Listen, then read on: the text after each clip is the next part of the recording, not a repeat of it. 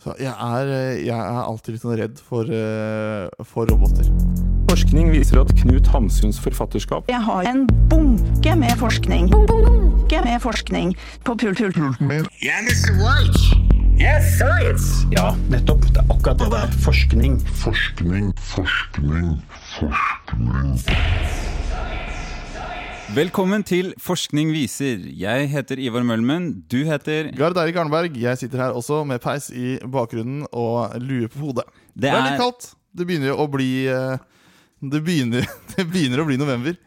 det, Enda mer presist, det begynner å bli 2. november. Har det vært det faktisk en liten stund nå.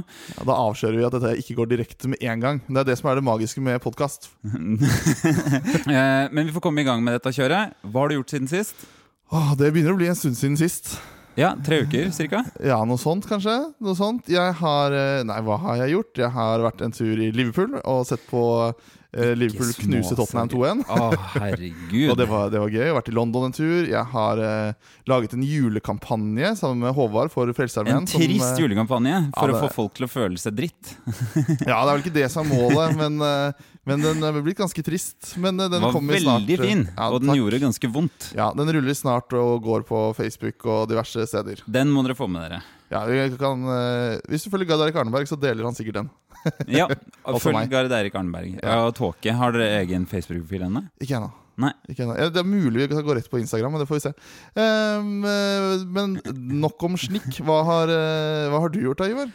Annet enn å hoppe tau? Annet enn å hoppe tak? Tau. Hoppe Tau. tau? T-E-V Eh, jeg har ikke hoppet så mye tau i det siste. Det eneste jeg har gjort, er at jeg har stroppet fast tau til ryggen og kjørt motorsykkeldekk eh, til MC Oslo sammen med motorsykkelen min for vinterlagring. Ja. Ellers har det vært mye opptak, mye på jobb. Jeg har hatt mye kurs.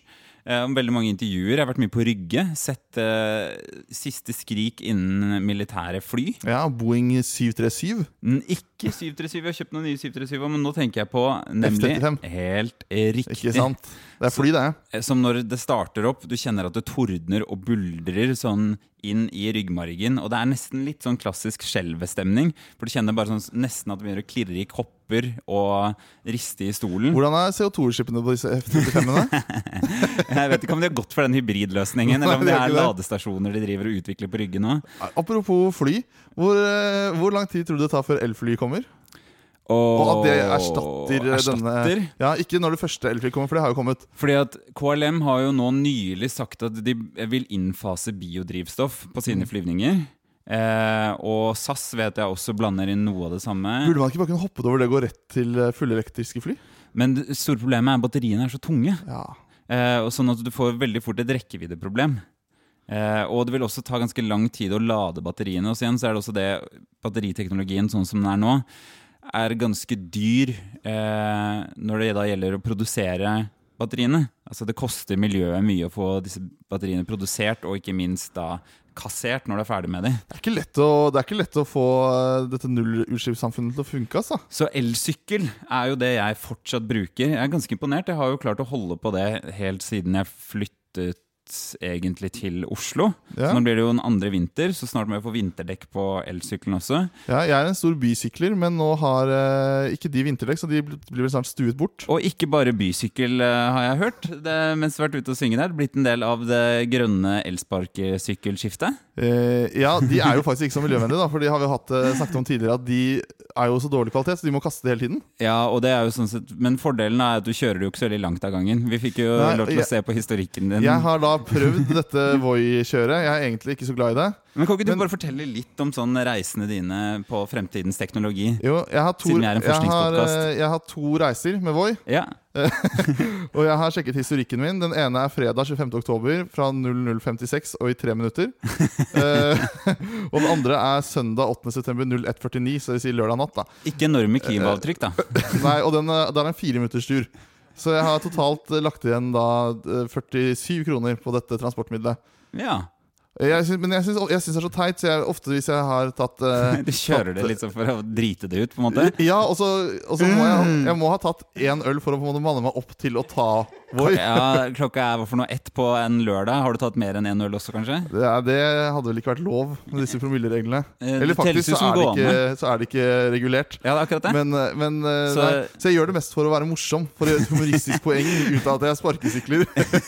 Det er på en måte en litt sånn sketsj, er det det? Det er satire. Ja, Neste gang så skal jeg få noen til å filme det, så kanskje lage en sketsj ut av Altså, det. kanskje en liten sånn Instagram-konto, sånn elsparkesykkelgard. Sånn, uh, kjører rundt, og det er teit, liksom. Ja, Fordi at de skal jo fortsatt kjøres nå om vinteren, har du fått med deg det? Med vinterdekk. Jeg, jeg, jeg, Så det er jo god gode nyheter for din del? Jeg syns det er en dårlig idé i seg selv, jeg. Disse Elsparkesyklene. Ja, og likevel så støtter det finansielt. Ja, jeg, vet ikke om de, de 47 kronene hjelper, men kanskje. Det Det var akkurat det du trengte for å gå rundt nå på Ja. vintersesongen. Ah, vi holder på å gå i minus. Eh, Men Gard sin promillekjøring sånn i helgestid får det til å gå rundt. Men eh, det, ja, det er sant. Men eh, vi har jo andre ting i dag enn bare dette her. Jeg kom på, jeg har en liten oppfølging. Det har du kanskje, ja. Ja, du snakket om, Var det noe med transhumanisme? Transhumanisme, ja. Og i hvert fall, For da snakket vi vel om at man kunne Transhumanisme, bare sånn kort, det er jo da disse som mener at fremtiden til menneskene ligger i menneskens sammensmelting med teknologi. Ja, sånn at de nye menneskelige fremskrittene vil komme som følge av teknologiske fremskritt, og hvordan disse integreres i oss. Det er nettopp det for hvordan det integreres i oss. Fordi jeg så en uh, fyrs på YouTube. Uh, jeg, husker ikke, jeg, jeg husker ikke da hva han het, eller greier, men han hadde tror jeg, ganske dårlig Kilde YouTube. ja, Jeg må bare ta det litt fra, litt fra husken. Ja, ja. Men han Men det er fint, da får du den ærlige nerven, så blir det ikke sånn der kjedelig og Ja, for dette blir hva jeg sitter igjen med. ikke sant? Ja. Eh, Så dette er hadde, sånn Gard ufiltrert. nettopp, og han hadde da installert en antenne i pannen. Ok. Og den var ca. sånn eh, 10 cm, ja, 15 Som gikk liksom ut av, ut av hodet hans. Så det var festet under, i skallen hans på en eller annen måte, eller? Ja, og så Det hjalp ham, for han hadde dårlig fargesyn. Så den antennen gjorde tydeligvis han så bedre, var det han mente. Det tror jeg Men faktisk så- jeg har sett. Men så skulle han ta passbilde. Riktig. Og antennen er ikke noe du bare kan ta av og på, for den er operert inn. Ja, det er jeg mener, det må jo være festet i skallen hans. Ja, ja, og det var, det var liksom på hodet med en antenne. Og så må det være festet med noen sensorer bak Helt sikkert, Han gikk ikke inn på det, for det historien egentlig handlet om, var at han skulle ta passbildet, og de bare Ja, vi kan ikke ha antennen på passbildet. Nei, Og så sa han jo, men jeg, det er, en del av meg. Ja. Og så sa de sånn Ja, men du kan ikke ha en antenne på et passbilde. Og så sa han ok, men da, da kan jeg jo ikke ta passbildet, for han har slitt med litt med å fly med denne antennen før. Ja. Eh, men så tok han en lang diskusjon, og endte opp med at han fikk ta, ha denne antennen med på passbildet sitt. Så nå har han et passbilde med antenne, og det sa han at gjorde det mye lettere for han å eh, fly gjennom sikkerhetskontroller, og at folk begynner å lure på hva er det du har med antenne, liksom. Og, men da viser han at når det er på passbildet, så vis, beviser det at det er sånn han ser ut. Så det er en del av han. Er faktisk kanskje Så- nesten sånn sett formelt sett den første transhumanisten, da. Ja, jeg vet ikke om dette her er gjort tidligere, men det er for han snakket om det da At nå hadde han fått det på passbildet, og til applaus fra publikum. da Eh, Mm, så neste blir kanskje nesten i passet også å ha sånn transhumanist-check. Ja, kanskje, fordi at jeg vil jo tenke hvis du kommer gjennom sikkerhetskontroll på Gardermoen, så vil det være sånn Hva i all verden er det der? Og så tenker jeg alle ting jeg skulle For å feste eh, Av alle, ting, alle tenner jeg kunne festet i hodet, så tenker jeg sånn bedre fargesyn. Er det det jeg hadde liksom gått for? Men det kan være det var andre ting, det var det jeg satt igjen med. men, Ja. men det som er sikkert, er at han fikk eh, At han hadde en antenne Mhm. festet i seg, og at han fikk med det på passbildet. Og at han nå er en fyr med en antenne. Og kanskje takket være oss som har snakket om transhumanismer og endret normer og Det, det kan være vi pusher grensene eh, og hjelper samfunnsutviklingen videre. Mm. Men eh, For han argumenterer også med at sånn Ja, men vil dere jeg skal ta av meg ørene også? Ja, ikke sant? Se der, ja. Men, så det var, det var min lille follow-up. Var et gøy Fremtiden eh, treffer oss hardt og fort, Gard. Den gjør det. Men vi skal ha også litt eh, forskningsformidling i dag. Det er helt riktig, og du har tatt med en sak? Jeg har tatt med en sak. Eh, det jeg har kalt den 'Alle vet at placebo virker, men bruker vi det for lite?' Spørsmålstegn. Mm, Så for vi i forskning viser vi tror på placebo. Kan vi være enige om det? Ja, tror på. Ja, absolutt. Det er jo dokumentert, vil jeg gå så langt som å si. Ja, okay. Så vi anerkjenner kanskje effekten. Vi anerkjenner. Men placebo er ikke bare placebo. Eh, fordi jeg har, sett, jeg har sett på litt studier som viser at prisen Det man tror placebo, altså f.eks. sukkerpiller eller saltinjeksjoner som egentlig ikke skal gjøre noen ting med deg kroppslig Mm. eh, Egentlig skal det jo ikke det, men så tror du det, eh, tror du det virker, og da virker det. Men hvis det er de medisinene eh, som du tror er medisiner, er dyrere, så har det en bedre effekt. Sterkere placeboeffekt. Det har en sterkere placeboeffekt. Som også i og for seg er litt eh, det vi ser eh, når, med, med investeringer også. At hvis du gjør store investeringer, så er du villig til å tape mer penger. Altså Hvis du allerede har investert mye, så vil du være villig til å tape enda mer penger enn hvis du ikke har investert i utgangspunktet. Så, Som så det, gode penger etter dårlige penger, nesten. da ikke sant? så jeg tenkte vi skulle aktualisere placebo litt. Det har vært litt stille rundt placebo i denne poden i det -hmm. siste. Eh, så vi skal aktualisere litt. Og så skal vi si at hvis det er slik da at, eh, at effekten blir større ved at det blir dyrere, er det noe, eller at, er det noe grep man, man bør gjøre? Er det et uutnyttet Ja, potensial? ikke sant? Kan, vi, kan vi gjøre noe mer her? Kan vi finne noen andre vrier for å få dette til å fungere enda bedre? virke for oss, og ikke bare som en sånn kontrollmekanisme mot å måle effekt av legemidler. Ikke sant? Så vi skal se hvordan kan vi aktualisere det eller bruke det bedre. rett og slett Så Kult, det skal vi prøve å diskutere kult. oss frem til. Og så tar vi gjerne imot noe støtte fra legemiddelindustrien hvis de har mye penger. Og apropos placebo, eh, for å lage en overgang til min sak, Ja, så, skal sak. ja, eh, så skal jeg inn- i stedet for da å ha ekte kjæreste, så skal vi nesten ha litt om placebo kjæreste, eller okay, partner. Okay. For eh, det er ikke bare elsparkesykler som vitner om at vi nærmer oss fremtiden. Eh, det er også kommet veldig langt på 3D-printing og robotteknologi og AI-teknologi. Ja, ok, Westworld. En- Ikke sant? Og det er nå lansert for ikke så lenge siden, jeg tror det var i fjor, en eh, robot som heter Harmony. Harmony. Det er en, eh, en, hva skal jeg si, egentlig en robot som er laget i mye silikon. Ser ut som et ganske vanlig menneske. Eh, men det som gjør henne unik, er at hun kan bevege på seg, og hun har en stemme. Og ikke minst så er det mulig å ha sex med henne. Ok, Så en, rett og slett en sexrobot? Det kan du si. Litt sånn forenklet. Sånn for å være litt folkelig så kan vi kalle henne for en sexrobot. Ja, ok, så, så Men blir det kun guttastemning, eller tar du det på et annet nivå?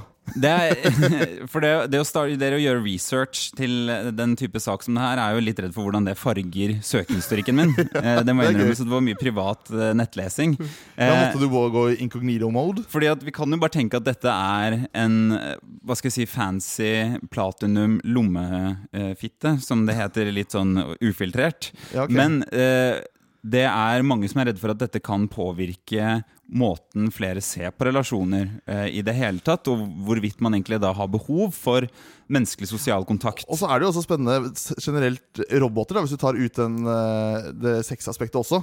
Hvor mye det kommer til å prege oss videre. Fordi at, at roboter kommer, vet vi jo. Det ser vi jo Mm. overalt. Og det er, det er mye spennende som vil rokke ved samfunnet vårt sånn som det er nå. da i hvert fall Og vi vil, litt sånn som med mobilgenerasjonen, er vi de som fortsatt husker ikke-mobil, og så vil huske hvordan samfunnet har vært med mobil. På samme måte vil det nesten også være med robot, at vi vil huske samfunnet nå stort sett uten roboter, men nå gjør de sitt inntog og på mange områder så store fremskritt at de vil, for de som vokser opp nå, bli en vanlig del av hverdagen. For tenk hvor dumt det er å forklare Hvor absurd det er å skulle forklare for barn som blir født i dag, sånn hvordan modemtilkobling var. Alt måtte komme til og sånn ting, ting, ting, ting, ting, ting Eller hvis vi skulle møtes, så måtte vi kanskje gjerne noen par dager i forveien eh, forklare akkurat hvor og når vi skulle møtes. Møte opp, Det dukke syns opp. jeg er gøy å tenke på i dag også. Hvis man tenker på sånn hvordan var det man møttes før igjen? Sånn, når man sånn Yes, vi møtes klokka ti der, og så skjedde noe uforutsett. Så ok, da fikk du vente en time, da. Så bare nei, da dukket han eller hun ikke opp, da.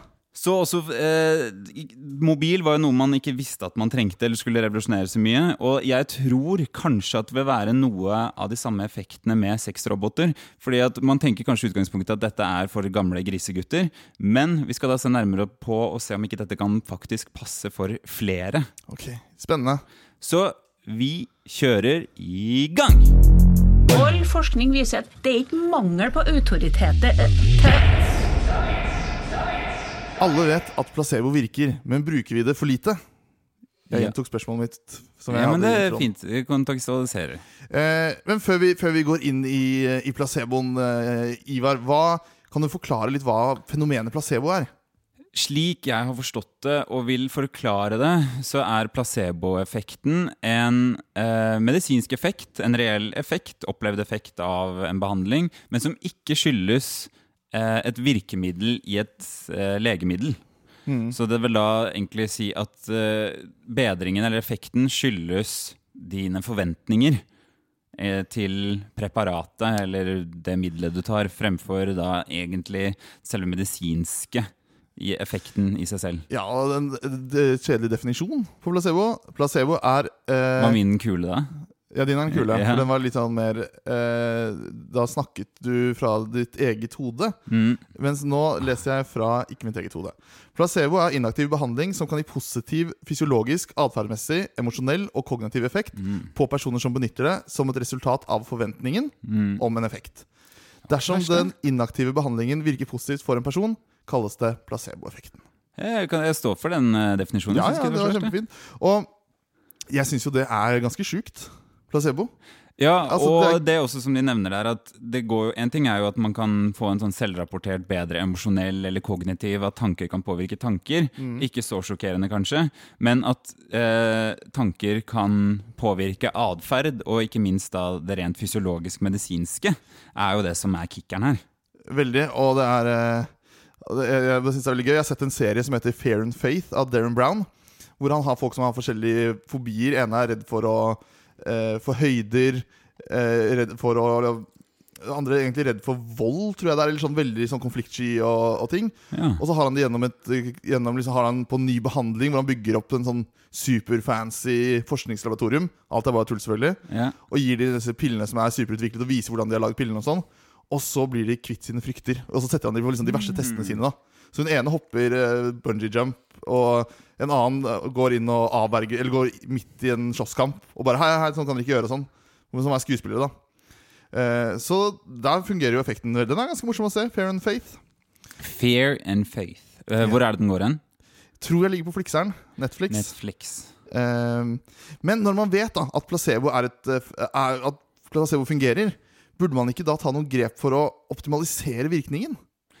Ja, fordi at en ting er jo at placebo har jo vært stort sett brukt som en sånn kjip effekt når man da skal måle egentlig effekten av legemidler. Fordi i veldig mange år så så man jo det at veldig mange preparater viste mye sterkere effekter enn hva som tilsynelatende lot seg gjenskape i virkeligheten. Ikke sant? Og da kjørte man da placebo uten virkningsstoffer. Da så man jo hvor voldsom den effekten var. Det var jo mye på antidepressiva og psykofarmika som man bruker for psykiske lidelser. Så ble det vel, tror jeg, på sånn 70-80-tallet rapportert om veldig sterke effekter av medisin medisiner for disse tilstandene. Men når man sjekket mot placebo, så så man at effekten var langt mindre Ja. Sammenlignet med placebo. Men sammenlignet med ingenting, så er det mye. Ja, og det er jo, man, det er jo å tenke seg frisk, da. Men ja. Dan Arieli Mm. fra uh, Duke University, Han har laget veldig mange bra TED-videoer. Anbefaler jeg å sjekke ut. TED-videoer, Ja. TED Talks, Ja.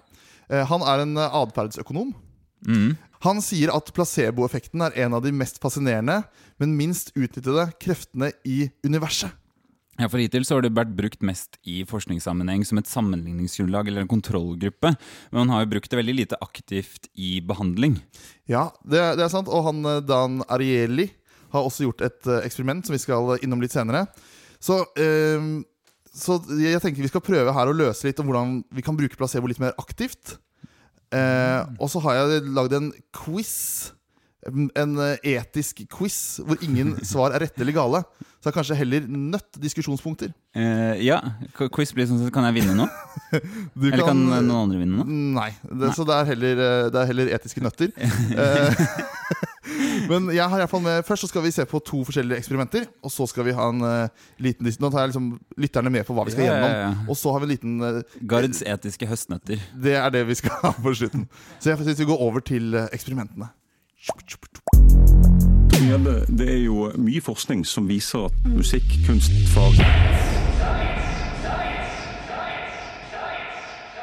Vi skal over på forsøkene. Jeg har to forsøk. Eh, Forsøk én var på Parkinsons pasienter. Riktig, den nevrodegenerative sykdommen. Det, det stemmer helt sikkert. Mm. Det var Alberto Espey eh, fra University of ja, Cincinnati. Cincinnati, Hvor ligger det? Eh, USA. Ja, hvor? Hvor i USA? Ja. Eh, østkysten. Ohio. Ja, det er ikke kysten, da. Så eh, Midtvesten, egentlig. Men, men det er greit. Men det synes jeg var fint, det. Ohio. De hadde Det var rart navn på universitetet. Ohio. Jeg klarte ikke å uttale det ordentlig. Hvordan var det du uttalte det? Uh, uh, Cincinnati. Cincinnati. Ja. For det kunne fort vært Da jeg så det, så tenkte jeg hm, kanskje er det Mexico. Chin, chin. Cincinnati. Cincinnati. Men det var ikke Mexico, så jeg måtte google det. Da var det Ohio. Mm. Mm. Eh, Så da vet vi litt mer om det universitetet også i dag. Det er veldig kult navn, syns jeg. Cincinnati. Ja, Cincinnati. ja, claro, me llamo Gard. Ok. eh, men de hadde iallfall med bare tolv pasienter. Tolv det er ikke så mange. Det er men det kommer litt an på hva man vil undersøke. Men ja. ja, Men de okay. fikk i hvert fall beskjed om at de skulle få, eh, få to forskjellige med eh, medisiner. To, det, det var shots. Altså sånn i eh, Hva heter det? Du tenker på sprøyter? Ja, sprøyter. Eh, Det var ikke shots. nei, det var, det var sprøyter. Vi, vi drikker ikke shots nå. Eh, den, de fikk først den ene shoten. Ja. Den ene sprøyten, da, kan vi si. Ja. Og, og, og når den effekten eh, skulle avta, den, så fikk de den andre sprøyten. Ok, Så greia er at alle får to sprøyter? Alle Alle får det samme. Ja. Eh, den ene, den første, innholdet i den første sprøyten så hadde de kostet 1500 dollar å produsere. Oh. Det er jo veldig dyrt. Mm. Mens den andre så hadde de hatt kostet 100 dollar å produsere. det var den eneste forskjellen. Ja, Og det er veldig stor uh, forskjell i pris her. da 500 Ja. dollar og 100 dollar. Men innholdet i sprøyten eller shotten ja. Satan. Nei, saltvann. Ja. saltvann i begge. Satan. Uh, og pasientene som fikk uh, Altså når de fikk den der til eh, 1500 dollar, så forbedret de de eh, motoriske funksjonene to ganger så mye som det de rapporterte Boka, om boka. da de fikk den til 100 dollar. Hjelpes. Så veldig stor, eh, veldig mye Og dette var hos tolv pasienter. Ja, så Det var 12 pasienter, ja. Og 28% over baseline. Som Ja. ikke sier meg så mye, men hva Nei, det kommer, altså baseline kan jo være Det betyr jo bare et eller annet referansepunkt. Men, ja. Men det var også da mindre effekt enn det de faktisk fikk med ekte Parkinsons medisin. Eh, oi! Det var mindre effekt? Ja, enn hvis det, hvis det var ekte medisin. Så, men eh, da, måler de mot et annet studium som har målt eh, effekten av Parkinsons-studien? Da da? tipper jeg de har på de samme her, men det de egentlig det var, For da må det være tre betingelser? For det var bare en, ja, det var bare en side-off for det de egentlig målte, var forskjellen mellom disse to. Ja, Da. bare på pris? Ja. Ja. Og eh, Men det er jo greit å vite også at placeboeffekten overgår ikke nødvendigvis uh, det reelle legemiddelet. Nei, men kan fungere sikkert enda bedre i, hvis man bruker I det sitt sammen. ikke sant? placebo-range. Ja. Ja. og hvis du tidligere, ja, ikke sant? Og da vet du i hvert fall at uh, uavhengig også egentlig av placebo, at pris kanskje spiller en placeboeffekt. Ja, ikke sant? Og, det er jo det de er ute etter her, da. Den prisen. Og de fikk også, det er jo litt sånn morsomt å nevne i denne podkasten, at de, de lurte disse tolv pasientene. Fordi det gjorde de jo. Så de fikk litt bråk, da. For det er veldig nei-nei i bioetikken. Og Ja. si at du gir medisin, og så gir du ikke det. Det er det jo. Så de fikk da, det er en sånn komité som Når var den her ble gjennomført, da? 2012, tror jeg. Og så det er ikke så lenge siden heller, nei. Nei, nei. Den eh, her er ganske ny. Og da fikk de litt sånn eh, ja, Litt pepper, Pepper. da fra, Pepper. fra dette, disse folka som sier OK, go til forsøk på mennesker. Eh, men de intervjuet eh, disse, disse pasientene etterpå. Og åtte av de sa de hadde regnet med at den dyre medisinen ville være mer effektiv fordi den var dyr enn billig. Ja, det er naturlig å tenke. Ja, Og fire av de sa de ikke hadde noen særlige forventninger til at det skulle hjelpe. Eh, Og sjokkerende nok viste det at de som trodde den skulle ha mye bedre effekt, Fikk, fikk bedre effekt. bedre effekt. Eh, og så står det også her, som er jo litt gøy for oss å vite, at vanligvis ville en studie med bare ett dusin mennesker ikke bli eh, publisert i høyt rangerte tidsskrifter. Men siden tidligere undersøkelser som er liksom over ti år gamle, også har vist placeboeffekten hos Parkinsons pasienter, så har denne forskningen noe større troverdighet, da, selv om det var så få. Ok, ja. Men Og så er det jo vel kanskje mer enn man kan si at man har dokumentert en robust effekt hos alle mennesker, så er det da dette er noe å gå videre med, eventuelt. ja, så når man sier man trenger mer forskning, så er dette her noe av mer forskning. Ja. Eh, og så var det en annen, eh, annen Ja, det er, ikke, det er ikke noe mer fra det studiet ennå, bare lærte vi litt om det. Det var veldig stor forskjellig i pris. Og så er det en annen som var gjort i 2008, som var gjort av han eh, Arieli. ja. Eh, hvor, de hadde, hvor de hadde huket inn da 82 studenter som hadde gått med på å få små elektriske støt i hånden. Okay. Og de skulle vurdere hvor vondt det gjorde. Eh, og så ga forskerne de to runder med elektriske støt. Først bare vanlig støt. Men før det andre støtet så fikk studentene utdelt smertestillende piller. Mm. Og alle var narrepiller, altså sukkerpiller. Men halvparten av studentene mottok eh, en brosjyre først som sto at pillen var nylig godkjent smertestillende tablett til den relativt stive sum av 2,5 dollar per tablett. Ja. Eh, mens den andre halvdelen av gruppa fikk vite at prisen på pillen hadde blitt satt ned til 10 cent. Altså rundt 50 øre. Mm. Og så sa den ingenting om hvorfor det var lav pris, og hvorfor den hadde gått ned i pris. Nei. Så da har du halvparten har da fått en tablett for 2,5 dollar, og mm. halvparten en for 10 cent. Og de vet om prisen. Og det viste seg da at 85% av studentene som hadde fått av den dyre medisinen, de dyre pillene, opplevde mindre smerter i andre omgang. Mm, ok. Altså at støtet ikke gjorde like vondt. Mens i den, de som fikk til 10 cent, da var det bare 61% som mente at medisinen har virket. Så det er jo altså av hvor mange var det totalt da? 82, så det er ikke ekstreme Det er ikke sykt mange folk. Men det er jo en, likevel bare sånn enkelteffekt. Fordi at det er jo kun pris da man manipulerer. Det er kun pris man manipulerer. Og så har de også det der skrivet om at de var Her hadde de skrevet om at det var satt ned i pris, da. Også. Ja. Som sikkert eh, Ja. Så det, det Så er jo moralen er nesten også sånn sett at hvis du skal være ordentlig fornøyd med kjøpet du gjør, så burde du kjøpe full pris og ikke på salg. Ja, egentlig. egentlig. Jeg får ikke vet hvorfor det ikke er salg. Men eh, du nevnte i sted til meg at mm. du sa at eh, du hadde lest om at folk som visste det var placebo, at det fortsatt virket da. Ja, det er gjort noen eh, undersøkelser hvor man da har sett hvor man har vært helt åpne om at man sier at det jeg gir deg nå, er placebo. Og likevel så opplever man en bedret effekt. Ja, Det er veldig rart. Det er veldig rart. Hvordan, Eh, eh, det, det er vel kanskje bare det at man føler at man gjør noe. Men da gjør du noe som du vet på en måte bare er tull, da. Ja, Ja, det, jeg, det, det hadde vært spennende å tatt Men en det vil være noe av det samme som at eh, det, du, har sikkert sett en rekke, en rekke sånne optiske illusjoner. At du ser at disse strekene er egentlig like lange, Ja. og så ser de ikke like lange ut. Eller disse sirklene er ikke like store, og så er de like store. Ja. Sånn type ting. Og det at jeg da forteller deg at de er like lange eller like store, endrer jo ikke Ja, det vil jo ikke endre min oppfatning av det, eller per persepsjon. Ikke sant? Så det kan godt hende at når kroppen opplever at å ja, et eller annet skjer, dette er på en måte Ja. behandling, selv om du da vet at det er litt bogus, så er det sånn klassisk betinging. Vi har jo snakket noe også om det når det da var De stengte Nygårdsparken, som var et sånn uh, narkohøl i Bergen, i Bergen Ja, hvor det var mange som satte sprøyter, tok narkotika, solgte omsatte narkotika. Ja, Det var ikke så mye studentliv der, da.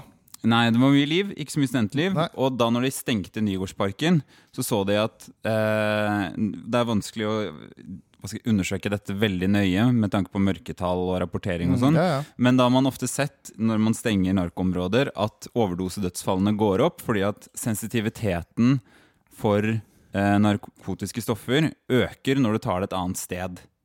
Så sånn, Det er derfor Ja. typisk når du drikker på 17. mai og starter å drikke om morgenen, så oppleves enhetene som sterkere enn når du drikker på fredagskvelden. Ja, det er, det, Men det er, det er spennende, da.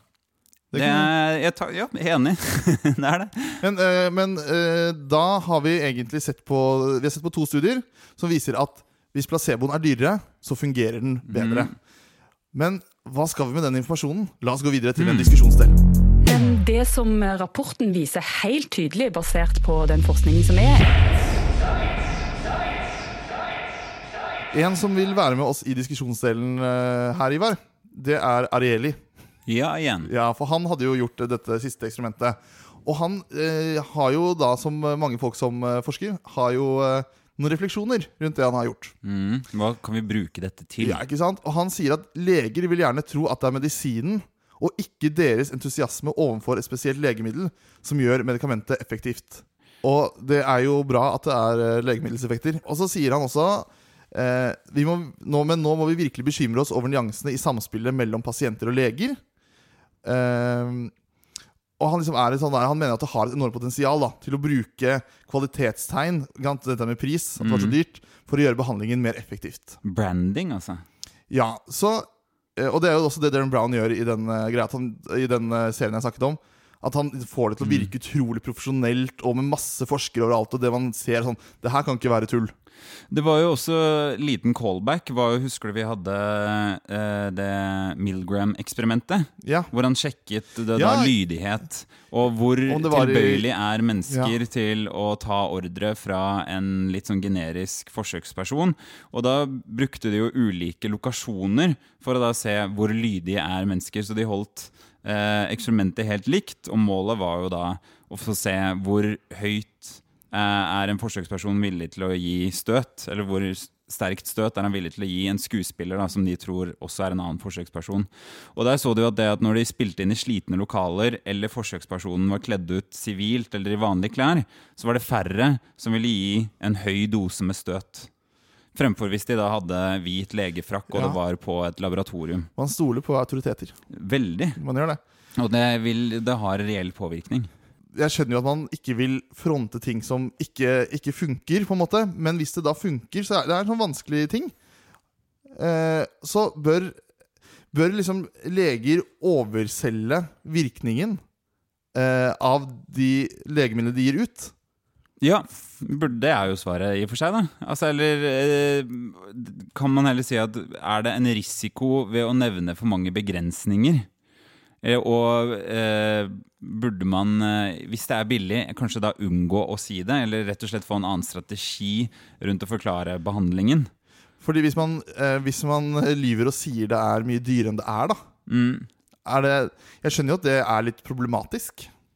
Man burde egentlig Ja, men eh, det, det, hvorfor er det i så fall problematisk? Altså Vil det være et spenn her, da? Altså, Én ting er jo rett ut lyve og si at du blir kurert, men da si at eh, eh, dette får du til, vi har stor tro på behandlingen, den er velprøvd, og man heller slenger på litt floskler og fancy adjektiv. Ja. Jeg vet ikke hvordan det er i dag, jeg. Det er jeg litt usikker på. Ja, du, du har jo vært hos legen, har du ikke det? Jo, jo, men det er, Ja. det er lenge siden jeg har fått noen medisiner. For, det var ikke så lenge siden du fikk litt uh, sterke smertestillende for eh, Men da vet jeg på en måte hva det er. Jeg brakk et ribben, og da fikk jeg jo Paralgen forte. Ja. Men der er liksom sånn Fikk du noe, hva, Forklarte han noe om paralginforte, da? Sa han liksom noe, kanskje at dette her Det var spesielt godt for deg? det var en kvinnelig lege. Ja, ok Shame! ja. Så da, eh, da ville hun ikke Nei, men siden du sa han. Konsekvent. sånn, ja. ja, ja. Uh, ja, ja, ja. Der kan du se mine forventninger. ja. Eh, nei, det var det, det er jo smertestillende. Jeg har på en måte brukt det før. Ja. Eh, men eh, oversolgte i hvert fall ikke at jeg ville bli smertefritt. Så, så hvordan opplevde du effekten da?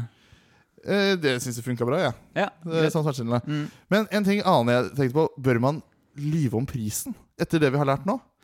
Særlig hvis staten eh, betaler, og du betaler en egenandel, kan du si sånn Ja, du betaler 100 kroner, men egentlig koster den 50 000. ja. Det kan kanskje hende at det egentlig hadde vært altså, eh, hensiktsmessig. Ja. Hvis det var dyrere, og hvis det er subsidiert, å si at dette er egentlig en veldig dyr og god behandling. Men eh, ja. Nei, det, det, jeg merker at jeg syns det er eh, det, hadde, det, er jo, det er jo løgn. For jeg ville nesten snu på det og si at det er moralsk vanskelig å ikke skulle da aktivt bruke branding og pris hvis det gir bedre resultater og mer effektiv behandling. Men de- Hvorfor skal ja. man ikke gi mer effektiv behandling? Og man kan vel, kanskje man burde også forske mer på akkurat dette her. Den er eh, trygg og god. Ja, ja, ja. Så nå har vi, da har vi lært litt. Vi har lært litt, i, nå. Det vi har egentlig lært, er at de to relativt, relativt små da, eksperimenter så vil pris være avgjørende. Men det var- virker ganske avgjørende. I det at det fungerte bedre Eller hvis det var modererende. hvis det, ja. Og hvordan skal vi konkludere? Min uh, konklusjon er uh, placebo er bra, og lyv litt på prisen. Mm. Det er mye som ikke lar seg måle og kvantifisere, og det er vi helt enig i. If you play your cards right, you've got some pleasure and fun coming your way. Hvem var dette, Gard? Det her var jo da en eh, robot. Du fikk se eh, et lite klipp i stad. Ja, hva heter den igjen? Destiny? Harmony. Harmony, ja. Det var samme type navn. Det var en liten film av henne som er en, eh, en robot som primært er en samtalepartner og en venn. Men som også kan Det, det sier han fyren her. En litt ja, Jeg vil jo si at han som har designet den, så ut som en sånn 80-talls pornostjerne. eh, som har vært litt for lenge på gutterommet etter 80-tallet. på en måte Ja. Eh, Men han var opptatt av at det var, en, det var en venn som også da kunne brukes til sex. Eh, ikke bare ser han ut som en eh, hva skal jeg si, blåfilmstjerne fra 80-tallet, han heter også Matt McMullen. Oi. Som også jeg føler er litt sånn blåstjernenavn. Ja, ja, ja, ja. Han er administrerende direktør i noe som heter for uh, Skal vi se Realbotics. Real Som er da Ekte roboter. eh, det er riktig. Som er skaperne av Harmony 3.0. Ja, ja, ja. Superdoll. Eh, Det er en ganske morsom uh, lite klipp du viste, som jeg tror vi skal legge ut. Som man gjerne kan se. Dette var, det lydklippet dere hørte introduksjonsvis, er et lite klipp fra en lengre reportasje som var gjort av The Sun i 2018. Det er en veldig gøy sak. Uh, Det er en ganske morsom sak. Morsom video. video. Veldig, altså, de, de er gode på akkurat det med sånn nettavisenjournalistikk, så de må være et forbilde, tror jeg, også for de i Norge. Eh, og de ser jo da på den mest moderne roboten, mest omtalte, som da kalles for Harmony, som er et slags prototypeprosjekt som eh, vel i dette året, 2019 og 2020, skal da lanseres for vanlige kunder. Eh, så det er ikke så lenge til, nei. Nei, det er ganske rett rundt døra. Og eh, det er jo en industri som har blitt veldig mye større på kort tid. Så det har jo blitt et gryende marked for sexroboter. Og det estimeres at det handles for rundt 30 milliarder dollar. Det er veldig mye penger. Veldig det mye er penger masse penger. Eh, Det blir vel, hva for noe blir det vel overkant 300 milliarder eh, norske kroner cirka? Det er mange penger. En, en røftlig tredjedel av eh, en kvart, kanskje, av det norske statsbudsjettet. Så markedet her må jo være svært.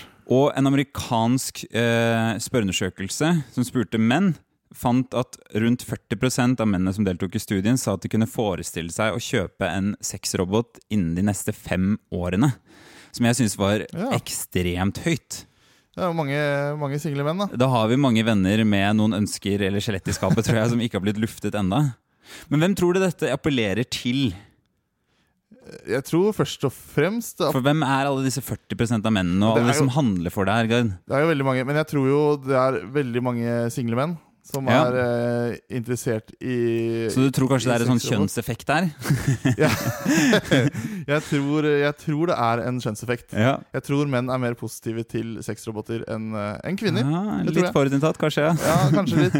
Og så tror jeg single menn også scorer eh, er, er høyere enn eh, Det er flere av de som har lyst på Mm. det. Og så kanskje en del som har vært eh, litt eldre menn.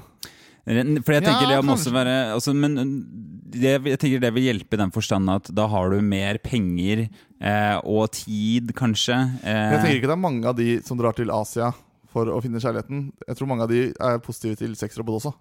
Eh, ja, at det, de som er litt kåte, er rett og slett Eller sånn glad i hva skal jeg si, fysisk nærhet og romantisk uh, intimitet. Ja, ja jo Mm. da. Men uh, hvis du skulle når, når jeg sier sexrobot, hva forestiller du deg da? Hva tenker du på? Hva er karakteristikken til en sexrobot? Nei, da, da tenker jeg jo en eh, Nå har jeg sett denne filmen, da. Så Ja. da får jeg litt eh, Farget av det, Da er jeg litt farget av det. Fordi du ser jo at En ting som slår meg der, i hvert fall er at de som har designet dette, her, de eh, tenker nok på at store pupper er det menn vil ha. Fordi Ja. disse sexrobotene som vi så bilder av, i hvert fall hadde veldig store pupper. Det var sånn, eh, veldig, veldig inspirert av pornostjerner.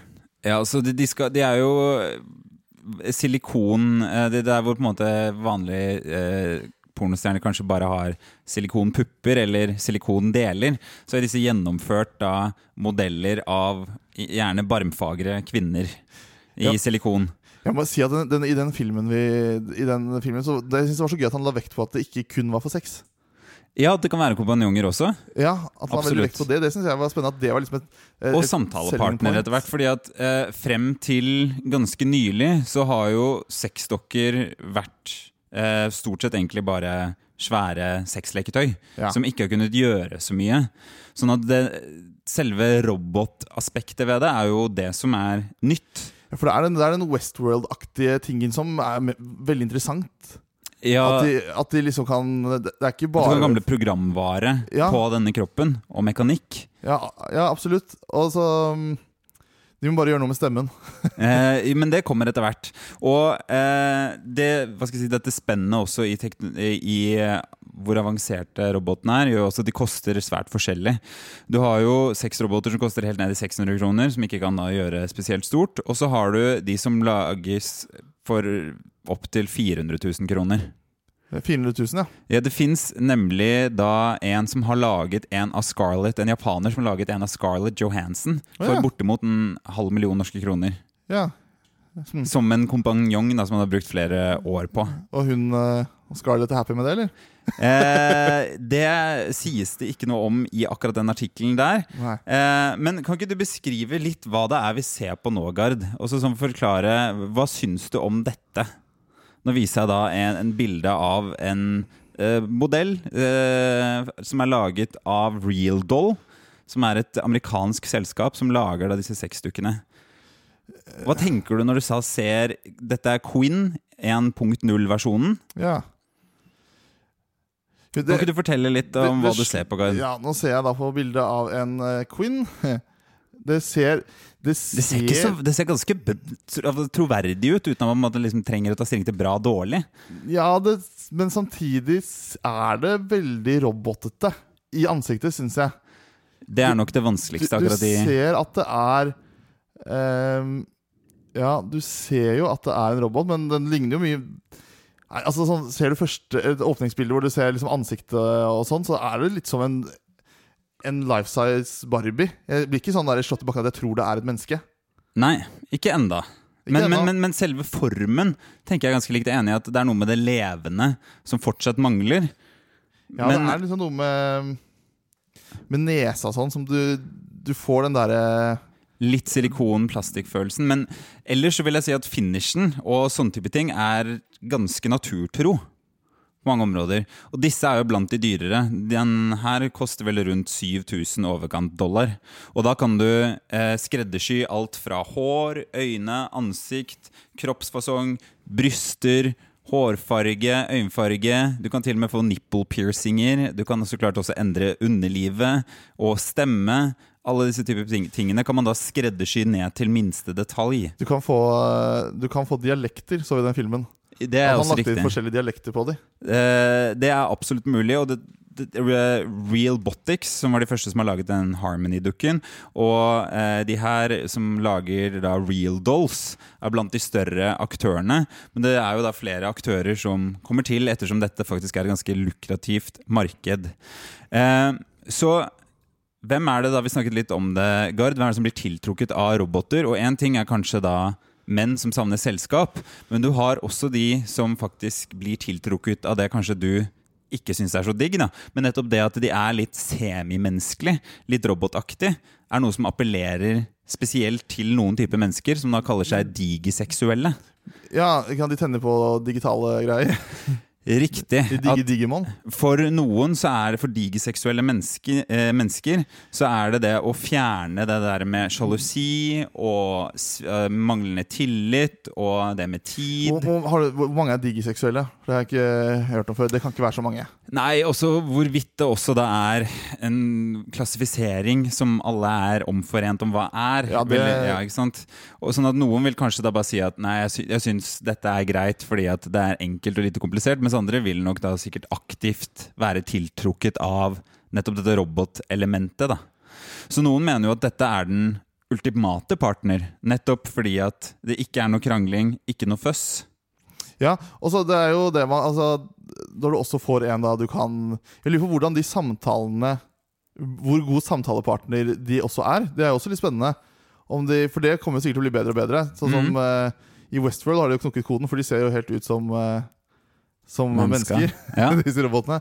De er jo skuespillere, men, eh, men det, det, jeg tenker at du får jo da en person som egentlig kan Hvis vi tar på sikt, da, hvis vi går litt frem, og de kan, de kan prate, de kan uh, beskytte deg, de kan forskjellige ting. Da. Du ser jo disse forsvarsrobotene. Mm. Uh, som, hvem er det som lager det igjen?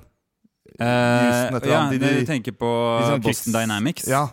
Det er sånne krigsroboteraktige da, som skal klare alt. Løfte De er eh, ja, annet sponset av det amerikanske forsvarsdepartementet, DARPA. Så da kan du eh, La oss spole noen år frem, så kan du etter hvert få deg en robot som er eh, livvakt. Den kan rydde, den kan hjelpe med Mhm. alle ting i huset. Den kan også være eh, seksualpartner. Alt mulig. Og hvilke moralske dilemmaer tenker du er sånn ja, For det, det, du, Jeg hører det er liksom en eller annen frykt her, men hva tenker du er de sånn store moralske dilemmaene? Hvem blir skadet av dette? Det, det er jo litt ting man ikke vet eh, helt, da. Hvordan, Ja. det, hvordan det påvirker. Få, vi har, jo ikke, vi har jo ikke fått det inn i, i samfunnet ordentlig ennå. Jeg tenker noen umiddelbart som potensielt kan være skadelidende, er jo brukerne. At Ja. det, de som da finner ut at dette digger de, eh, og det er fantastisk, vil jo da ikke få noe insentiv til å gå ut og ta kontakt. Så om det De kan, kan tenkes isolere at, seg veldig. at det vil eh, Hva skal jeg si da eh, Fremprovosere, eller at det vil underbygge isolasjon. Sosial isolasjon. Og så, og så er det jo noen spørsmål her da Hvor isolerte er de, da? Hvis de, hvis de, har, de, de vil isolere seg fra menneskelig kontakt. Mm. Veldig. Men de vil jo ikke distansere seg fra eh, eh, digital kontakt, robotkontakt. Nei, og hvis alternativet hadde vært ingen kontakt, kanskje Ja. det blir friskere mentalt av å oppleve at du har en god relasjon. Men så vil nok veldig mange vite at de har egentlig ikke en god relasjon. Det her er bare en robot. Eh, og så tror jeg jo mange, mange vil tenke at eh, At jeg gidder ikke å sånn, hvis, hvis folk er litt ensomme nå, da, så er det sånn nå, nå må jeg ut og, og få meg venner. Jeg må ut og snakke med mennesker. Jeg må dra ut og møte noen. Mm. Mens hvis du plutselig bare har en robot, så er det sånn Ja, men det er mye lettere å bare være hjemme og prate med roboten, som prater om akkurat det jeg vil. Eh, Og der kommer vi inn på noe, for dr. Burchard, som er helsefaglig direktør ved Marylebone Center for Psychological Therapies, fortalte avisen Daily Star at disse sexrobotene kan fungere nesten som en alkoholavhengighet. Ja. Det vil da bare være en annen måte å uttrykke denne avhengigheten seksuelt. Da. Og at du vil da få en evig kilde til å kunne dyrke denne avhengigheten. Men, men hva, hva vil du gjøre med relasjoner? Er jo altså sånn For alle dysfunksjonelle relasjoner du da har, kan du fortsette de mekanismene, vil du jo ikke nødvendigvis bryte. Sånn at, og eh, når du da opplever f.eks. relasjonelle problemer eller vansker andre steder, så vil du alltid få den bekreftelsen du trenger da av din eh, digitale kompanjong. Og så, og så tenker man sånn du, Nå er det jo sånn at for, når du går ut på gaten nå, så er jo alle går og ser ned i mobiltelefonene sine. På grunn av Mhm. Facebook og Instagram, og det skjer mye. Du, Folk snakker så- ikke sammen lenger. Nei, folk snakker ikke sammen lenger. Og det er jo noe som har endret seg ganske raskt. Og hvis disse robotene kommer, så blir det kanskje bare enda mindre Så blir det kanskje bare enda mindre interessant å ha noe, ha noe spill eller sosialt spill med andre ekte mennesker. da Hva skjer med, hva skjer med samfunnet vårt da? Og én ting er hva som skjer med samfunnet vårt, men vi har jo reist til et eksotisk land eh, sammen for er det blitt fem år siden. Eh, Japan? Riktig! Ja. Og flere eksperter er jo faktisk svært bekymret for hvordan det kan påvirke Japan, som allerede har store problemer med sosial isolasjon og fødselstall, og som også generelt er ganske positivt stemt mot moderne teknologi. Og allerede da så har man jo store problemer med nettopp dette. Så jeg er, eh, jeg er alltid litt sånn redd for, eh, for roboter. Eh, Ja, ja. fordi jeg, jeg ser for meg at skal man liksom Nei, jeg, jeg syns at mennesker skal ha kontakt seg imellom, Ja. Så skal du lære et uh... Og bare for å dyrke den frykten litt, så avslørte The Sun at det finnes et forum hvor eh, mennesker bytter eh, mishandlede sexroboter, som da har fått juling på ulike måter, med hverandre. ra, folk, er så, folk er så rare! Eh, Jepp. Folk er så gærne. Så hvordan blir fremtiden her, da, etter hvert? Vi har jo nå sett litt på hva er mulig i dag. Eh, nå fins det jo den roboten som du så. Oppleves fortsatt som ganske sånn Robotete. kunstig Ja. robotete. Eh, men allerede nå så fins det til Harmony, den som da er roboten som er laget av Matt McMahon fra Realbotics. Eh, en, du kan laste en app og begynne konfigurasjon av personlighet, da basert på input som samtaler og personlige preferanser. Så det handler om å få minst mulig motstand i livet. Du kan også da tenke at du kan legge inn personlighetstester, Facebook-informasjon, interesser og jobb, aktivitet og da døgnmønstre, aktivitetsnivå, som da gjør at denne eh, roboten blir perfekt tilpasset deg og din hverdag. Da. Men, men hva Eksempel i et parforhold, da. Mm, interessant du skulle nevne det. For der eh, Ja, ok, ja, du har noe For det er jo vanskeligere å De tar jo mye plass.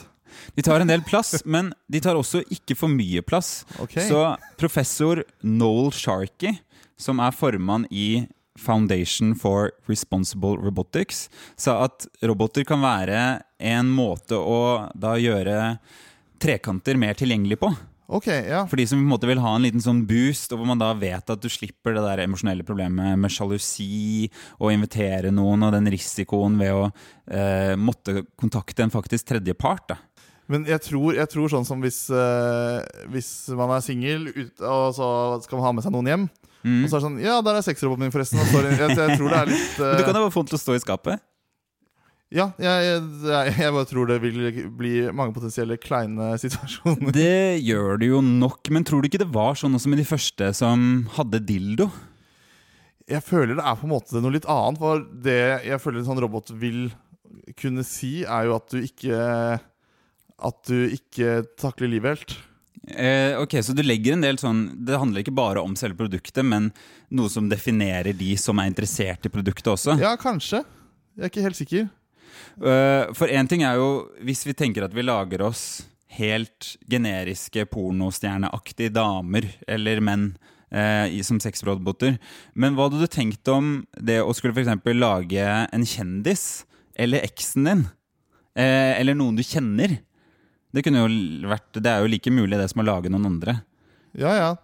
Og jeg hadde tenkt om det. Ja, Burde det vært lov? For eksempel? kan man lage hvem som helst, tenker du? Jeg syns, jeg syns det er rart, jeg. Ja. Å gjøre det. Jeg syns ikke da, da kommer du jo inn i Tenk, tenk hvis disse robotene blir nesten helt life-like, da. Mm. Og så skal du drive med å lage dobbeltgjengere til folk Mm. som går rundt. Det er jo eh, Det er jo Da er det masse svindel du kan gjøre, da. Eh, det vil jo sikkert være vanskelig med, med en del, også sånn i hvert fall eh, et stykke Hæ? Kim Kardashian i Norge? ja. Men for eksempelvis så kan du da sikkert, og du kan sikkert allerede i dag, lage en ganske god Kim Kardashian-kompanjong. da. Eh, og, eh, men det, det, la oss si at du da eh, lager en eh, dokke av en du er superforelsket i. Og så har det vært flere som har argumentert da for at eh, disse dokkene gir deg en mulighet for å trene. Nettopp på det å være komfortabel naken med en annen, det å ta på noen, det å berøre noen, og også det å skulle lære bort sex for eksempel, til en annen, hadde vært mye lettere da ved å ha en troverdig dokke enn å Jeg føler, det er- jeg føler det er veldig lite Altså Veldig få folk som trenger liksom å øve på disse ting. Altså, det er jo folk som er litt uh, sosialt dårlige, da. Kan, Mhm. sikkert, men det er ikke så mange, på en måte. Jeg føler For ifølge internett så er det da en del menn som nettopp har opplevd det at eh, denne treningen med sexdokker har gitt de en selvtillit og erfaring som gjør det lettere å ta kontakt med kvinner ute. da. Ja, det er jo fint for dem. Ja. Ja, ja. Og eh, et område som jeg også tenker faktisk kunne vært mulig, er jo eldre. Som trenger selskap. Én ting er jo det rent seksuelle, men bare også som selskap. Ja, ja det, det er jo fint. Og hvorfor skal ikke eldre få lov til å være seksuelle også? Det, det skal de få lov til. Ja, Men kanskje vi kunne fått de mer med på at dette kunne jo vært et tiltak mot bordeller også potensielt?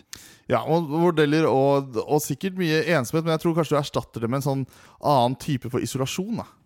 Er det jeg på en måte er litt redd for at man beveger seg i et samfunn der Altså Man ser på det litt større, hvor, hvor menneskelig kontakt blir mindre og mindre viktig. Ja. Og man designer livet sitt til at man ikke skal Det blir ha kanskje mindre og mindre direkte, i hvert fall. Ja, men også, også litt hvor du designer livet ditt for at du skal slippe å møte motstand, ta stilling til ting du Mhm. ikke vil. At det Og det- skreddersyr deg til status quo. Ja, og det, det har jeg ikke troen på. Nei, det kan du si, men jeg tror også da nettopp for eldre, også egentlig handikappede, og kanskje ikke minst eh, Men det er kanskje vanskeligst, for én ting er jo at man kan være positiv til handikap og eldre hvis de vil det, og de er til stede, og eh, de har venner ellers, at dette bare er en kompanjong. Da foreslår jeg at vi går over til avslutningen. Depresjon, angstlidelse, eh, det er en følelse og en subjektiv opplevelse. Så robotene kommer i gang på veldig mange forskjellige arenaer. Det er ikke bare Terminator, det er Bedbinator og Loveminator også. Ja, det er mye, det er mye roboter. Det fins allerede nå eh, faktisk bordeller i gåseøyne som starter opp med utleie Ja. av eh, sexroboter. Så uavhengig av hva vi vil, Ja. så er jo dette noe som kommer for fullt. Og den svenske kvinnelobbyen, som er en organisasjon som ønsker å forby sexroboter, mener at dette må lovreguleres og i, også forbys. Ok, Hvorfor det? Hva er hovedargumentene? Der er det jo kvinnesyn, og nettopp det samme egentlig som pornoargumentasjonen. At man fremstiller kvinner i et sånn neg... Altså sånn, nettopp det som du påpekte, at du lager forventninger om at kvinner skal se ut som ja, dukker, da, rett og slett. Ja. Altså Veldig kunstig med store pupper og unaturlige former og hofter og lår. Og også det at du kan gjøre hva du vil mot dem uten at de kan si noe tilbake. Ja, ok, Så det blir litt den der hva slags påvirkning vil det ha i, At du i, kan ekte, lage i ekte liv? på en måte Altså Hvordan Ja. vil det påvirke Undertrykte kvinner Ja. som du bare Hva med disse mannlige sexrobotene, da? For de har jo, Det må jo også nevnes at de har jo laget en eh, gjeng med menn der også. Det har de, og de har også laget uh, disse kvinnelige sexdokkene med da utbyttbare kjønnsdeler, så man Ja. kan uh, faktisk få de transseksuelle, eller er det det de heter da, sånn hvis de er begge deler? Sånn she-males i hvert fall, er også mulig å lage. Men uansett så er det jo noe som må lovreguleres i den forstand at sexleketøy må reguleres, at eh, batteriene som brukes må ikke være farlige f.eks. Og hva skjer hvis du skader deg med en sexrobot? Hvem er det som da har ansvaret f.eks.? Eh, mange- Hvis den tar kvelertak på deg, eller hvis den plutselig går varm, går i stykker, eller er laget i et farlig materiale. Eller at den plutselig får lyst til å ta over verden. Eh, eller i hvert fall, den vil jo få masse informasjon om deg med disse sensorene som kommer. Så hvis du er da naken med den, snakker med den, så vil den jo sitte på enormt mye sensitiv informasjon. Kanskje den mest sensitive informasjonen som finnes. Som da Donald Trump kan bruke til å vinne valg. For eksempel. Eh, så dette er jo da før vi i det hele tatt har begynt å snakke om VR og AR, eh, eller altså virtual reality og augmented reality. Så, eh, og nå er det jo fortsatt sånn at personlighetene er ganske sånn banale, enkle, med litt sånn robotklengete aksenter. Men forestill deg da etter hvert at Google vil lage en personlighet skreddersydd på all datatrafikken din og interessene dine, og lage det inn til en personlighet som passer i en robot. da. Så får du Google som ikke bare kjenner kalenderen din og mailene dine, men som også da kjenner deg helt privat, emosjonelt og romantisk. Vi skal få det, vi skal få det lett, da. Fremover. Vi skal få det lett. Så det ikke være noen utfordringer i dette livet. Ingen utfordringer. Forsker Kristine Jernsletten Forsker Kristin Jernsletten mener Hamsun ikke kan tolkes som bare negativ til den samiske befolkningen. Det var litt av en episode. Eh, dette var jo episoden om innbilningens kraft, kan vi si det? Ja, ikke sant? Litt placebo og De kunstige effektene og hvordan vi blir påvirket, eh, kanskje. I hvert fall sånn Hvordan kan du få hjelp eh, ved hjelp av eh, innbilte krefter? Ja, det kan du si. Men du pleier å lage en litt sånn snertende sexy oppsummering, Gard. Har du gjort klar en til denne gang også? Jeg har gjort klar en. Hvor, eh, hvor snert er i den, det vet jeg ikke, men jeg prøver. Vi prøver. Hvis du er syk, kjøp litt dyre tabletter, så blir du frisk og glad. Mm. Og er du ensom og vil på spa, så kjøp en robot du kan ta med deg på Farris bad. det, det er nesten, altså! Det, det er stang. Altså, om den er inn eller ut, det tenker jeg får opp til dere lyttere. Ja, så er den litt overdreven, da, fordi du blir jo ikke frisk og glad av å kjøpe dyre tabletter. Men det kan jo se ut som at uh, dyre, dyre, dyre tabletter Mm. Er, funker bedre enn billige tabletter som placebo. Og sånn sett så vil jo da en sexrobot til 7000 dollar eller 400 000 kroner være en, nydelig investering. Den er jo knalldyr, så det vil være noe man kanskje da er ganske godt fornøyd med. da. Ja, den er, hvis, du går, hvis, du, hvis man kan overføre forskningen sånn, så, så vil det jo være det. Vi får se. Men jeg vil i hvert fall takke Håvard Olsen, vår fantastiske tekniker. Og dabbekonge. Husk å følge oss på Instagram. Fortell om oss til en venn, en bekjent, en fiende, en kollega. Oi, det var mange. Ja. Fire stykker, da. Det skal fortelle om. Fire stykker. Eh, vi høres igjen. Ha en fantastisk uke. Hei då. Forskning viser at Knut Hamsuns forfatterskap Jeg har en bunke med forskning. Bunke med forskning på